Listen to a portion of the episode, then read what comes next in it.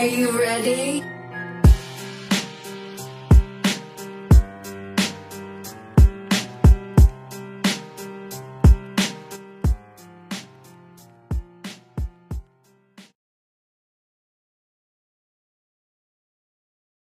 Oke, kembali lagi di Bungo Set. Bukan ngomongin setan. Dan juga Oh, podcast ngomongin setan sekaligus nih sekaligus ya, Iya. sekaligus Oh, podcast iya, iya. ngomongin Oh, ini sekali. Oh, ulang-ulang. Berarti ulang-ulang. ulang. ya, ya dah. Oke, balik lagi di podcast ngomongin setan dan bukan ngomongin setan.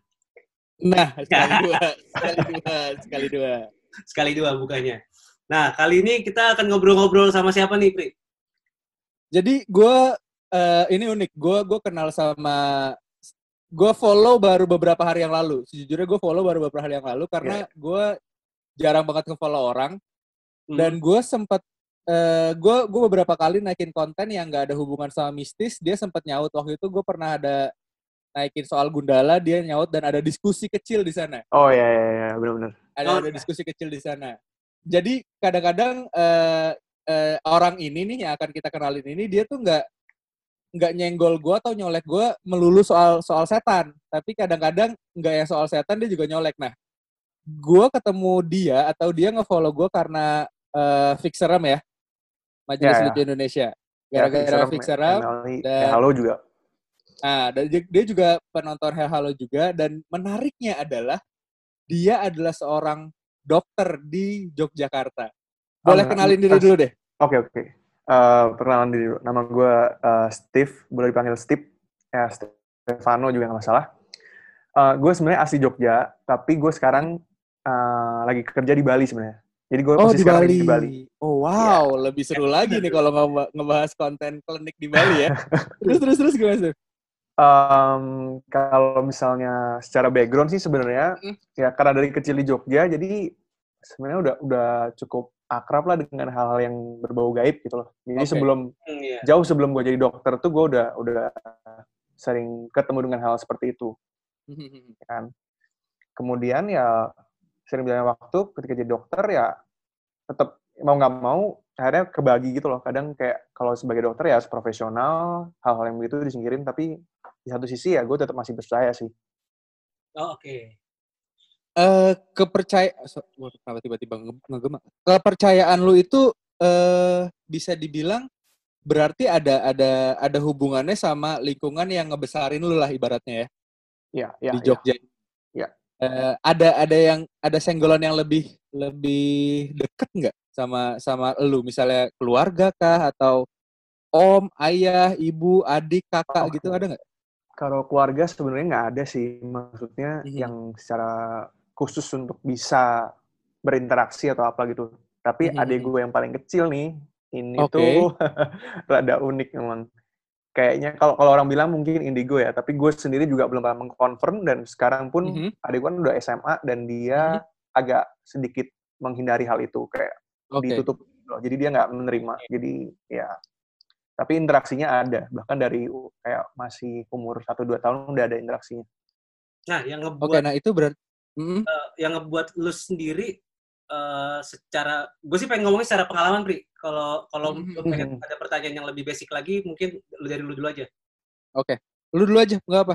Oke, dari secara pengalaman lu sendiri, eh, mungkin kita bukan mulai dari sebelum jalur lu udah eh, sebagai dokter ya gitu. Otomatis kan ada. Mhm. satu pengalaman yang membuat lu percaya nih dengan hal-hal seperti ini. Walaupun memang tempat tinggal lu eh, di Jogja adalah eh, sangat amat mendukung ya gitu. Tapi Mhm. pengalaman personal lu seperti apa gitu? Ah, ya kalau personal sih mungkin ya tadi sih bahas paling gampang bahas adik gue aja sih. Jadi kayak. Em, adik gue itu dari umur berapa ya? Sekitar mungkin setahun dua tahun lah. Waktu itu eh, kita keluarga sempat liburan ke Medan gitu Mhm. dan diajak drivernya ngeliat rumah adat. Tapi Oke. rumah adat nih kayak naik gunung berkelok-kelok dan kayak di tengah-tengah hutan. Mhm. Oke. Dan cuma ada kita doang yang di situ. Oke. Kayak lumayan creepy sih. Mhm. Nah, setelah perjalanan dari rumah itu kita balik kan di mobil itu adik gue yang paling kecil itu nangis sepanjang jalan like sepanjang jalan gue sampai pusing udah kayak nggak disuruh diem nggak bisa dikasih susu minum apa pun nggak bisa Oke. Ada ada yang nanya kenapa gitu? Kita semua masih kayak ya ini rewel lah gitu lah. Oh, Perjalanannya iya. emang emang bikin mabuk sih, maksudnya naik turun belok belokan gitu ya. Ya. Ah, Sampai akhirnya ini berlanjut terus. Pas itu kita kan pulangnya ke lewat Jakarta dulu.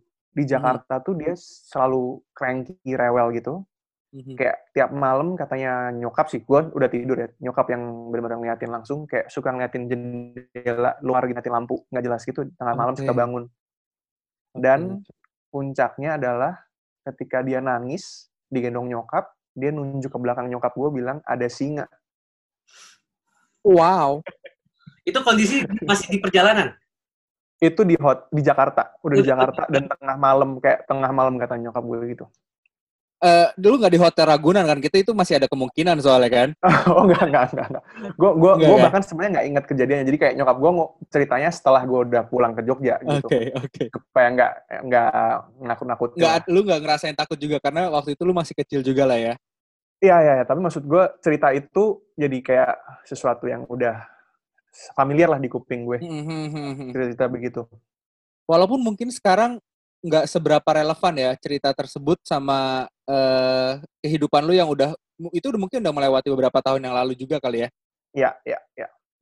Berarti eh, kemungkinan kemungkinan eh, hal ini dekat sebenarnya kan nggak seberapa dekat juga gitu akhirnya karena udah cerita tersebut sendiri udah udah nggak relevan karena udah lama. Yang yang Hmm. membekas nih ibaratnya dim ya. Iya, betul. Mungkin ada pengalaman lu sendiri yang eh, mungkin yang dekat-dekat inilah yang membuat lu ya memang Oke, oke. ada dunia ini dan gue gue percaya dan memang ini kejadiannya pasti karena hal mistis gitu. Oke, enggak. Sebenarnya kalau gue sendiri pengalaman enggak ya, tapi karena gue dari kecil udah kebiasa, jadi gue suka memang, gue gue sebenarnya orang penakut, tapi gue kepo, ngerti kan? Oke. Jadi gue sering sering nontonin kayak YouTube YouTube uh, macam Hey Halo, Fix, uh, Fix Mhm. Terms gitu-gitu kan, dan gue suka compile itu jadi saat kayak gue bisa melihat kayak benang merahnya gitu loh, ngerti Iya, nggak sih maksud gue? Oke, oke. Kalau ketika satu orang ngomong ini dan orang lain belum konfirmasi padahal mereka nggak berkenalan, nggak kenal sama sekali, menurut, Hmm. menurut gue itu benar gitu loh. Oh, ngerti gue. Oke. Jadi ambil Nah, kayak kayak gitu-gitu. waktu gue bilang secara logisnya atau gue eh, secara bukan sains ya, tapi kayak secara apa secara Ini alarnya lebih lebih nyatanya itu seperti apa sih gitu dalam mistisnya? Mungkin sama kayak gitu Pri pengalamannya Pri. Iya, jadi menurut eh, menurut Steph nih ada ada validasi di di konten kita gitu Eh, Yep, antara yep. gua yang ngomong gini dan ada validasi bentuk validasinya adalah dari entah dari lu, entah dari Coki, entah dari Muslim, entah dari Andika, entah dari Topan atau dari siapa pun yang ada di konten itu juga karena gua berani menjamin semua konten yang ada gua untuk horor-hororan, gue berani menjamin itu nggak ada rekayasa gitu maksudnya. Hmm, Ya, hmm. ya. ya, ya, Nah, Kan way, nggak berarti rokok depan dokter ya. santai. Atau gue merokok juga nih. Eh, gue gue punya kenalan gue punya kenalan yang eh, dia dokter juga dan dia nih nggak nggak berusaha meng- bukan berusaha sih akhirnya dia mengenyampingkan hal itu gitu jadi eh, nggak semua dokter yang punya punya pola pemikiran sama. Jadi kita nggak mengeneralisir di sini ya semua dokter pikirannya kayak Steve jadi ada teman gue Yep. juga yang nggak nggak mikir kayak gini. Nah kenapa gue memilih eh, Steve buat diajak collabs di sini? Karena gue ngelihat ada uniknya gitu. Maksudnya eh, saat lu bahkan pendidikan dokter itu kan panjang kan ada lewat hmm, pendidikan dulu Iya. terus ada koas ada apa segala macam ada dilempar kadang-kadang dilempar ke negara eh ke pulau apa Daerah. ke kota Iya. mana gitu kan ya Iya. ini Iya. correct me if I'm wrong ya maksud gue gue ya, ya, kurang lebih tahu lah ya Eh, gambaran benar gambaran lu kalau sampai dapat gelar dokter dan boleh punya izin praktek dan lain-lain kayak gitu Ya. kan fasenya panjang gitu Eh, Banyak. dan mem- yang diserap ilmu juga banyak banyak eh, Hmm. tentang tentang psikologis juga ada sebagian tentang manusia pun ada tentang banyak Ya. gitu yang diserap. Dan ini eh bi- bukan di bukan di apa ya bukan dibilang pendidikan yang eh pasti gitu. Maksudnya bahkan antara satu dukun dengan dukun yang lain ada beberapa yang pendapatnya beda. Misalnya kayak misal eh Coki atau Zawin pernah bilang gitu. Misalnya ditunjuk ke sana eh gua bilang ada pocong dukun lain bilang ada kuntilanak itu bisa terjadi karena balik Oh. lagi visual gua dan visual dia mungkin beda. Mhm. Ya, ya. Jadi kalau kalau Zawin bilang halunya beda kalau Zawin bilang. Halunya beda nih antara dukun satu dengan dukun lain. Hmm. Karena kan akhirnya bukan hal yang pasti kan kalau kalau kita ngebahas soal ini. Nah, gue punya pertanyaan nih yang mungkin oke. bakal bakal ngarah ke kedua ilmu tersebut gitu. Ilmu yang mungkin eh, ada di lu nih secara secara eksak ya sama Mhm. yang mungkin yang gue tahu doang lah. Ya. Kan ada yang paling yang paling apa deh yang paling umum deh, yang paling umum ini kesurupan. Oke. Ada beberapa ada beberapa ilmu medis atau beberapa penjelasan medis lah ya kita bilang Ya. yang menjelaskan soal itu. Nah, kalau dari gua gua men, mensi- me- me- menyederhanakan gitu, membuat sederhana dengan kalau gua ngelihat karena gue juga bisa ngebedain mana kesurupan bohongan, mana yang beneran gitu kan. Ya, ya.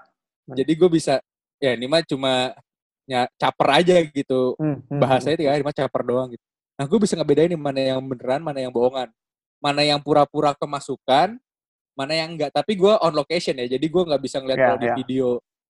Jadi gue harus Ya, ya. langsung ada di situ. Nah, kalau penjelasan dari segi medisnya nih, Oke. eh, atau penjelasan dari dari ilmu ilmu kedokteran yang lu tahu aja, maksudnya Oke. Bisa- ya. eh, kita akhirnya ya kita akhirnya dari sudut pandang lu nih. Iya, karena Oke, karena oke. lu kan sebagai orang yang percaya dengan hal-hal klinik ini, lu harus eh, apa namanya harus korelasi nih sama si Bergesekan ya, bergesekan lo sebenarnya itu. ilmu karena Mhm. apalagi ditambah dengan ilmu kedokteran yang setahu gua, lu harus mengesampingkan hal itu karena lu bakalan berhubungan Betul, itu dia poin. Ya. lain. Nah, ini bagaimana dengan versi lu? Apa yang lu Oke, lihat di medis yang lu pelajarin gitu? Oke, em, kalau misalnya masalah kita ambil langsung topiknya kesurupan aja. Ah, Sebenarnya kesurupan tuh tetap tetap sebenarnya eh, di awal kita harus tetap bisa bedain itu yang maksudnya yang mana yang pura-pura dan mana yang enggak tanda kutip ya. Eh, karena em, kalau nih gue langsung baca teorinya dulu ya. Oke. Jadi kalau kesurupan Wow. itu serunya serunya gitu nih. Dia langsung baca teorinya. Kita nggak tahu langsung nyari langsung teorinya bukain dari mana gitu kan. aja gitu.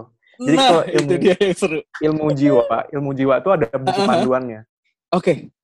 jadi dia tuh kayak eh, il- jiwa tuh kan unik ya ilmu jiwa tuh unik ya karena kalau Mhm. yang lain kan ada fisiknya sedangkan Oke. ilmu jiwa tuh susah kan untuk sebenarnya kayak kalau lu lihat kayak apa ya misalnya yang simpel gula deh bisa cek gula darahnya gitu kan Mhm. Jiwa ini kan susah nih kayak harus bener-bener hampir 90% lah dari wawancara. Jadi kayak dari kita bener anamnesa namanya kalau dokter nyebutnya itu. Eh dari situ kita bisa kayak ngumpulin poin-poinnya nanti kayak dimasukin ke kriteria diagnosisnya. Jadi kayak di buku itu ada kriterianya gitu. Dan baru nanti kalau cocok masuk oke berarti kita bisa diagnosa itu. Nah kalau yang dari kesurupan itu tuh gue sumbernya dari jadi bukunya tuh kalau di Indonesia namanya PPDGJ panduan dan pedoman apa ya pokoknya penggolongan gangguan jiwa gitu. Oke. di Amerika namanya DSM 4 nah di situ tuh masuk eh, namanya ke eh, gangguan disosiatif. Disosiatif tuh em, nih gue bacain ya gejala utamanya adalah kehilangan sebagian atau seluruh dari integrasi normal dalam kurung di bawah kendali kesadaran antara lain ingatan masa lalu kesadaran identitas dan penginderaan dan kontrol terhadap gerakan tubuh Ma- masuk-masuk lah ya Oke. cara Oke. itu itu itu kayak itu kayak eh, payung besarnya ya kan Oke. oke. yang masuk salah satu masuk ke sini tuh ini gangguan personality yang multiple personality pernah denger dong Oke, oke, oke. Kayak film Nah. split ya. ya film split itu tuh Oke, oke, masuk oke. ke sini nah kalau di yang eh, versi yang DSM 4 jadi ini ada sebenarnya ada yang baru DSM 5 DSM 4 tuh dia punya eh, sub yang khusus gang trans jadi trans disorder atau kalau di Indonesia jadi kesurupan Ah, Oke. Nih, definisinya gue bacain ya. Gangguan ini menunjukkan adanya kehilangan sementara aspek penghayatan akan identitas diri dan kesadaran terhadap lingkungannya. Dalam beberapa kejadian, individu tersebut berperilaku seakan-akan dikuasai oleh kepribadian lain, kekuatan gaib, malaikat, atau kekuatan lain. oh, berarti di di eh, sorry, eh, ini kalau kalau gue salah benerin ya. Ya, ya. Gue gue berusaha dengan seksama nyimak yang barusan lu jelasin. Mhm. uh, secara nggak langsung uh, berarti di ilmunya sendiri ya ini kita ngebahas ilmu ilmu medisnya ya, ilmu kedokteran hmm. dan ilmu psikologis hmm. kejiwaan dan lain-lain itu ada penjelasan bahkan soal trends tadi kan uh, ya. soal bah, bahkan tadi ada ada ada nyebut uh, diambil alih ibaratnya atau apa Saya, gitu seolah-olah iya itu dia seolah-olah diambil alih nah uh, berarti ada ada ada gue ini gue gue coba coba versi gue ya maksudnya kalau okay. dari lu nanti batu-batu ngejelasin berarti secara hmm. nggak hmm. langsung ada possibility atau ada kemungkinan dong ya maksudnya ada makhluk atau apa pun yang bukan kalau kalau kita ngebahas uh, personal, personality disorder ya tadi ya hmm, hmm, hmm. ada dari dirinya kan berarti secara nggak langsung uh, kerja otaknya membuat dia punya kelainan gitu benar nggak sih Iya, jadi sebenarnya persepsi dia kayak okay. dia merasa dimasukin, padahal enggak sebenarnya. Oke. Okay. Tapi otaknya. Nah, cuma masalahnya ada syarat lain. Jadi kan tadi gue bilang kan ada ada poin-poinnya. Itu baru poin pertama tuh. Okay. Nah, poin yang kedua ini tuh agak uh, ini yang bikin susah kalau misalnya kita lakukan di Indonesia. Uh-huh. Jadi hanya gangguan trans yang involunter, jadi di luar kemampuan, uh, di luar kemauan, sorry, dan bukan merupakan aktivitas yang biasa dan bukan merupakan kegiatan keagamaan atau budaya yang boleh dimasukkan ke pengertian ini. Oke, okay, sorry sorry, boleh boleh diulang nggak sekali lagi? Oke, okay, jadi hanya gangguan trans yang uh, di luar kemauan dan merupakan uh, bukan aktivitas yang biasa dan bukan merupakan kegiatan ke keagamaan atau budaya. Oke. Okay. Oh, berarti intinya ada adalah, intinya berarti uh, gangguan ini bisa dianggap uh, dianggap seperti itu kalau misalkan memang bukan dalam kegiatan yang berhubungan dengan agama atau uh, kebudayaan. Yes. karena beberapa iya bukan kesurupan yang kita lakuin dim. Yes. Jadi itu kan poinnya. nggak bisa kak. Jadi kalau yang kalian lakukan itu nggak bisa masuk sini. Hmm. tapi agak agak berbeda sih Pri. Karena karena gini uh, ya walaupun sama sih seolah-olah tapi uh, kesurupan dengan mediumisasi kan ag agak sedikit berbeda ya kalau kalau menurut gue. Oh kalau kalau sorry sorry kalau kalau dari penjelasan Steph tadi itu satu dim kesurupan dan media mediumisasi itu jadi satu satu satu hal yang sama gitu. Kalau nah, uh, ya, ya. kalau di gua sorry ini ini versi versi gua dan teman-teman ya uh, anak-anak ya, ya. Halo dan Fixer. Kesurupan itu uh, ya dengan kata ke ya dengan kata ke sendiri hmm, itu kan hmm. nggak hmm. sengaja berarti kan. Betul. Hmm. Tersurupan cuma kan nggak enak. Jadi kesurupan tuh nggak sengaja kesurup nggak sengaja masuk gitu. Nah kalau mediumisasi hmm kami atau uh, ibaratnya orang yang berperan sebagai anak indigo, dukun, paranormal dan lain-lain yang memasukin. Yeah. Ini be bedanya. Ya, ya, mediumisasi ya. dengan kesurupan versi versi gua dan anak-anak ya. Hmm. Jadi mungkin uh, dukun lain pun ini ada gue takut takut mengeneralisir dokter dokter dokter lain makanya gue berusaha dari sudut pandang juga. gue juga nggak mau seolah mengeneralisasi dukun-dukun semua yang ada gitu ya. Jadi versi yeah, gue okay. itu keserupan sama mediumisasi kayak gitu. Nah, akhirnya sama nih Dim. Uh, di, di di medis menurut menurut Steve yang yang Steve tahu menurut panda menurut pendapat Steve tuh nggak ada penjelasan soal kesurupan yang kita lakuin. Betul. Yep. Dari medisnya tuh nggak ada. Berarti tapi emang nggak ada. Emang nggak ada. Berarti secara Jadi, langsung secara medis tidak membedah hal itu uh, hal hal-hal kesurupan secara kebudayaan dan atau secara hal yang disengaja kayak mediumisasi gitu-gitu dong secara medis. Nggak, jadi oke okay, oke. Okay. Jadi secara medis itu sebenarnya uh, kita balik lagi ke de definisi gangguan jiwa ya. Mm-hmm. Oke. Okay. Jadi kan biasanya orang-orang mengkaitkan me, dokter. Enlight me. Oke. Okay. Jadi orang-orang biasanya mengkaitkan dengan gangguan jiwa dong. Eh ini orang ada gangguan jiwa uh-huh. nih gitu kan. Uh-huh. Padahal sebenarnya uh, definisi ini gue baca lagi ya. Oke. Okay. Gangguan jiwa adalah sindrom atau sekumpulan gejala atau pola perilaku mm-hmm. seseorang yang secara klinis berkaitan dengan uh, adanya gejala penderitaan, distres atau hendaya disfungsi. Jadi harus ada distres sama disfungsi. Sorry, hendaya itu apa ya maksudnya? Disfungsi. Jadi lo nggak bisa berfungsi sebagai manusia oh, normal okay. gitu. Okay. Jadi ketika lo melakukan mediumisasi misalnya, kan lo in the end bakal balik sebagai manusia normal kan? Iya, iya, iya, iya. That's why itu bukan gangguan jiwa gitu loh. Oh, okay. Karena nggak memenuhi kriteria Kayak, itu sama sekali. Uf, gitu loh. Oke, okay, berarti gue gua ngambil gue ngambil iya, iya, berarti kasus, uh, gue ngambil contoh uh, kita uh, kebudayaan ataupun uh, praktek yang uh, keagamaan. Tapi uh gue anggap kita ambil contoh kesurupan di sekolahan. Oke. Okay. Nah, kalau emang itu pengen di, pengen dilihat secara medis, si anak yang kesurupan itu atau beberapa anak yang kesurupan itu harus terlihat, harus dilihat apakah mereka punya gangguan kejiwaan dulu sebelumnya. Baru okay. mereka bilang, oh ini bukan kesurupan nih gitu. Oke, okay, oke. Okay. Kalau kesurupan ada, ada anak yang kesurupan, dibawanya ke dokter bukan ke dukun atau bukan mm -hmm. ke haji gitu. Iya, iya, iya, iya. Ya. Bagaimana jika ya ini ini ya. bagaimana jika kalau uh, ada sebuah sekolahan gitu kesurupan kita nggak usah nggak usah mikirin agama dan kebudayaan apa apa lah ya pokoknya ini kesurupan hmm. aja tiba-tiba ada sekolah hmm. kesurupan uh, dibawanya ke dirujuknya bukan ke dukun yeah. tapi ke rumah sakit terdekat misalnya itu penjelasannya okay. bakal kayak gimana ya? Oke, okay, jadi gini, kalau misalnya kesurupan yang sekolah-sekolah itu sebenarnya nggak bisa digeneralisir juga, harus lihat per kasus per kasus. Oke. Okay. Karena, karena gue sendiri sebenarnya gue nggak pernah ketemu kasusnya sih. Kayak okay. gue pernah orang bilang kesurupan satu orang doang dan itu setelah gue cek dia pura-pura. Oh, iya. Oke, okay, menarik. Nah, um, pertama kita harus cek dulu tujuannya. Misalnya kayak biasanya kan ada orang yang uh, kalau uh, tadi lu bilang kan pura-pura dia pengen cari atensi mm -hmm, kan. Mm -hmm, Nah, kalau kita bilangnya malingering. Jadi itu dia kayak berpura-pura untuk mendapatkan ter tujuan tertentu. Oke. Okay. Nah, kita perlu pisahan gitu. Nah, kedua, kalau yang uh, kesurupan massal itu uh, kadang orang nyebutnya mass hysteria. Iya, iya, mass hysteria, betul. Nah, di mass hysteria itu nih, gue sampai udah cari. Biasanya ya. Orang-orang yang orang-orang yang terkena itu dia punya lingkungan yang sama dan stresor yang sama. Oke. Okay. Oke. Okay, uh, eh, jadi, uh, jadi berikan penjelasan sedikit soal stresor deh.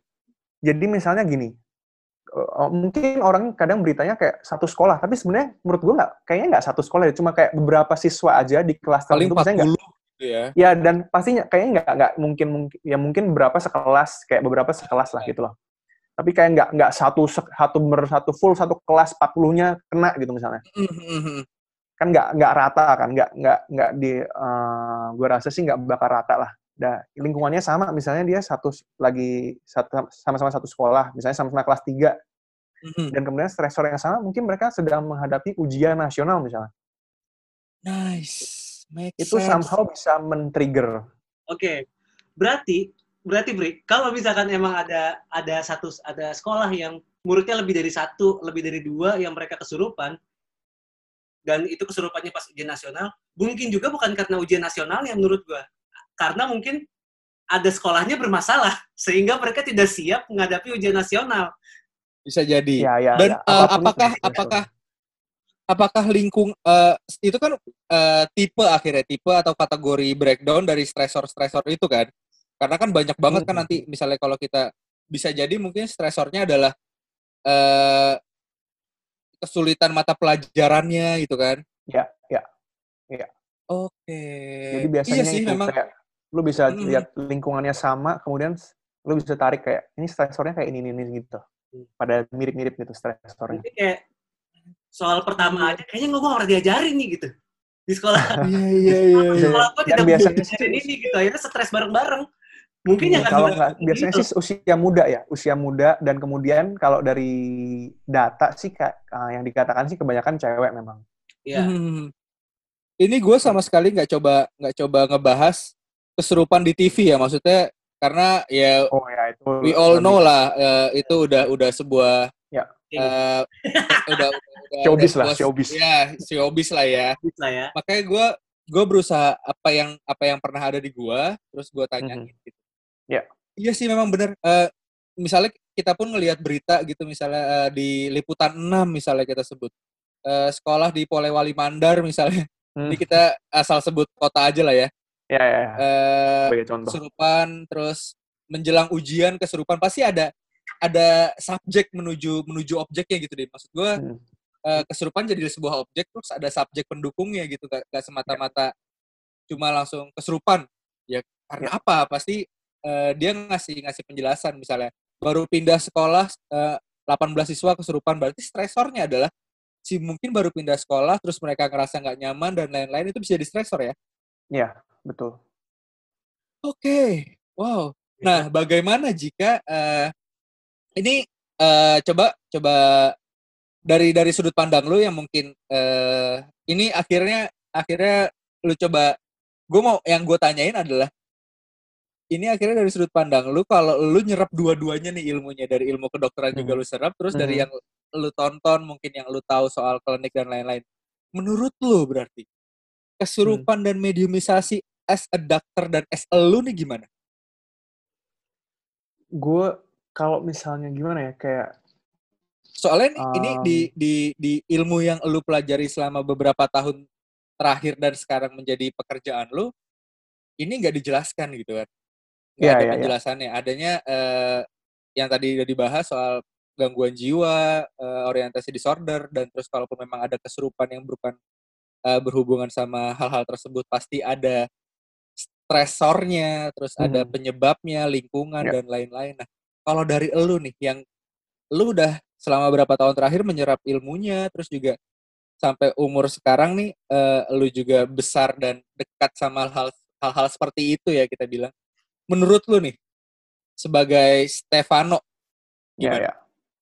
Kalau sebagai kalau gue sendiri sih mm -hmm. lebih ya berarti kalau misalnya gue menemukan kasus seperti itu misalnya ya. Yes. Ya gue akan tetap berusaha logis dulu dengan apa yang gue pelajarin. Mm-hmm.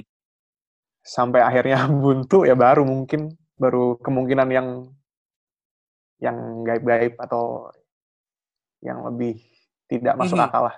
Gitu. Akhirnya uh, Occam Razor Principle nggak nggak nggak kepake sama lu karena lu nge mencari logisnya dulu kan. Iya, iya. Occam Razor kan langsung ya udah nih. Iya, uh, iya. Occam Razornya terakhir sih. iya, Occam Razornya jadi terakhir kan karena nggak ya, ada ya. pilihan. Gue sempet bahas sama sama Zawin juga tuh kalau Zawin tetap tetap pasti ketemu logisnya kalau menurut dia. Hmm, hmm, hmm. Karena memang lu sendiri juga belum pernah ngerasain di posisi itu ya, jadi nggak nggak punya jawaban pasti kan. Ini kan gue ya. Pertanyaan gue masih mengandai-andai nih. Misalnya lu dihadapkan sama uh, sebuah situasi misalnya. Eh, um, tempat horor lu lagi lewat lagi jalan sendiri terus misalnya bareng sama pacar atau sama pasangan lu atau sama siapa gitu tiba-tiba kesurupan lu tahu stresornya kemungkinan yang nggak ada terus lu juga kenal lingkungannya karena dia deket sama lu gitu. Yang ada di hadapan lu adalah rumah horor dan orang itu gitu. Jadi gambarannya adalah pandangan lu gimana nih kalau ada kasus seperti itu di depan mata lu? Kalau kayak gitu sih gue tetap refleks mikir tetap logis sih. Entah logis kenapa. dulu ya? Berarti jawabannya gua, tetap sama kayak yang tadi tetap, ya iya iya. Tetap tetap logis. Gue nggak bisa. Tapi gini nih gue ada cerita menarik sih tentang adik gue juga nih. Oke. Okay. adik gue ini sempat kumat lagi tuh sekitar tahun lalu apa ya? Tahun lalu nggak salah. Oke okay, deket ya berarti tahun lalu jadi uh-huh. dia emang kalau orang bilang orang bilang katanya uh, ada yang terbuka gitu deh jadi okay. dia menarik untuk Eh, hal-hal uh, gaib gitu. Eh, kenapa nih? Gak apa dia. Pakai... Gak apa, lanjut, lanjut. Lanjut aja. Oke, okay, oke. Okay.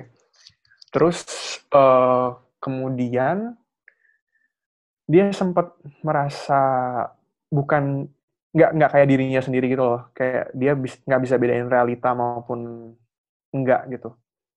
Di situ sih gue udah udah coba logis-logisnya ya. Maksudnya kayak dengan pengetahuan yang gue punya jadi gue coba berusaha mendiagnosa tapi emang nggak nggak masuk gitu. Cuma lebih ke arah apa ya? Um, gue pikir stres sih gue pikir stres sih. Tetap tetap hitungannya kayak ini paling uh, masalah di sekolah dan sebagainya gitu. Oke tapi uh, akhirnya kesimpulannya adalah secara secara jasmani ya kita nyebutnya. Karena ya, ya. Yang diperiksa sama kedokteran sendiri adalah badan kan ibaratnya yeah, badan yeah, dan yeah. segala macamnya. Secara secara hasil hasil uh, apa ya hasil pemeriksaan awal adalah sehat gitu kan? Iya nggak ada apa-apa nggak masalah. Paling dugaan gue cuma kayak gue bahkan kayak ah, paling lu malas sekolah nih jadi gue lu mau bolos okay. gitu loh. Oh, jadi lu gue masih kayak gitu bahkan gitu. Menghubungkan dengan sesuatu hal yang sekiranya bakalan eh, yang bisa membuat dia stres dan menjadi seperti ini gitu ya. Iya, iya, eh, iya. Bentar, bentar. Ya. Gue pause bentar ya. Oke, okay uh, mungkin gue gue gue uh, gue nanya sekalian aja kalau nggak apa-apa kali beri ya printer uh, ntar kayak biasa ya lanjut lagi ya kita ya mm-hmm. uh, jadi di di di lift dulu aja dim sekarang dim ya udah boleh boleh oh iya lift hmm, kita lift dulu nanti uh, create room baru oke okay, oke okay.